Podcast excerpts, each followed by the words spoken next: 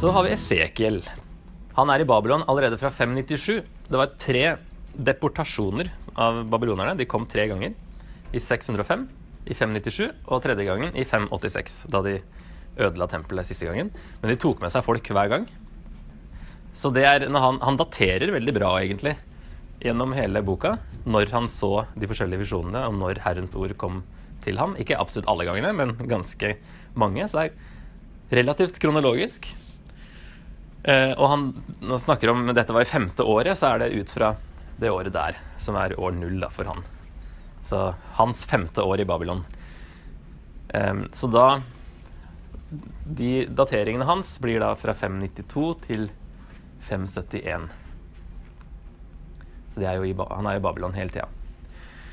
Og um, det handler bl.a. om at Guds herlighet er Forlater tempelet i Jerusalem og drar til Babylon. Så her er jeg satt opp sånn som det er greit å se på senere når dere leser, og kanskje ikke akkurat nå. Men vi kan dele det enkelt inn i tre. Først advarsel til Jerusalem. Så del to advarsel til nasjonene, og så del tre, da blir det håp eh, etter Jerusalems ødeleggelse. Så den første visjonen, der ser han da Altså, Guds trone har hjul inni hjul, så den kan gå i alle retninger. Så den er, sånn, den er plutselig mobil. Og den, den eh, I andre tempelversjonen, kapittel 8 her, så ser han at den forlater tempelet. Og det så han i 591, altså fem år før tempelet ble ødelagt, så har egentlig Gud dratt derfra. På grunn av alt det andre som beskrives her i kapittel 4-7. Um, og i den 8-11 eh, også. De ofra til andre guder i tempelet, og det er ikke rart at Gud stakk. Så han, eh, Gud forlater tempelet, og det siste de ser av Guds herlighet, det er at den går opp på Eh, det som da blir Oljeberget, altså høyden øst for Jerusalem. Som for så vidt òg er retning Babylon allerede. Det var jo østover. Så det som er litt spesielt, er jo da at de ser at Guds trone ikke er bundet til tempelet. Um, og de hadde ikke merka at den hadde dratt heller. At Gud ikke var der lenger. Det de fortsatte med som før. Um, men Gud er ikke der lenger. Og så uh, Ja, i del tre, da, der får uh, Jeremia, uh, Esekiel beskjed om at Jerusalem er falt. Han får det, det er en, en flyktning som kommer helt til Babylon og forteller han, så det er jo året etterpå. Det tar vel litt tid å komme seg dit. Og så begynner det med håp etterpå.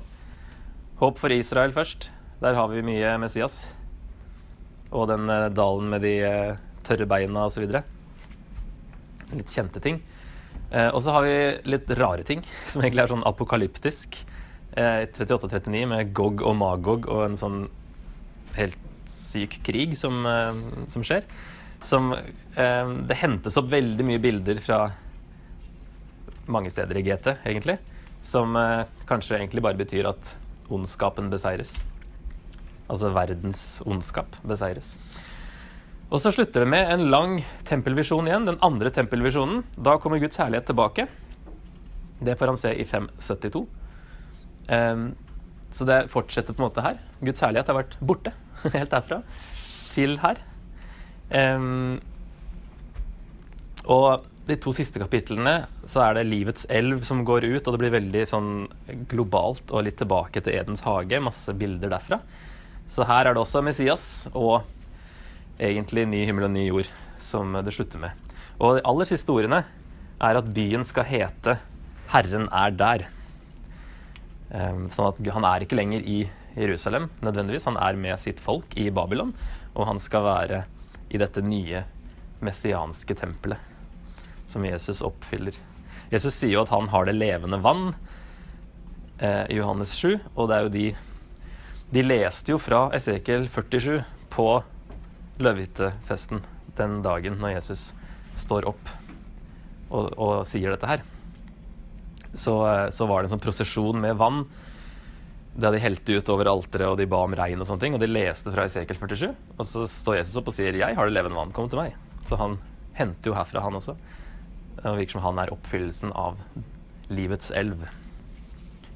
Så da kan vi se litt på hvor vi finner Jesus i Esekiel. F.eks.: Min tjener David skal gjete dem, sier han. Eh, det er der Jesus henter fra når han sier 'jeg er den gode hyrde'. Fordi her var det masse dårlige hyrder som har spredt folket og ikke tatt vare på dem. Men Jesus er den gode hyrde.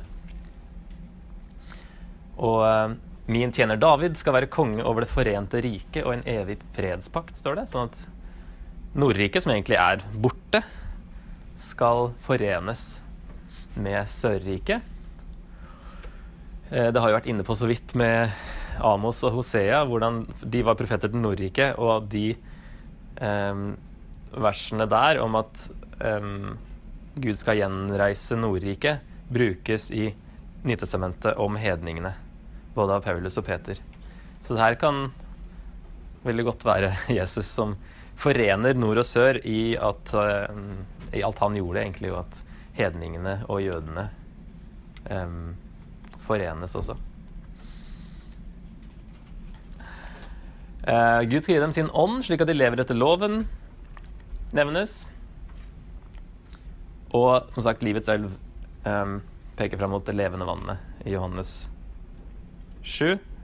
Og som jeg har satt, da, tempelet i 40-48 peker også fram mot Jesus.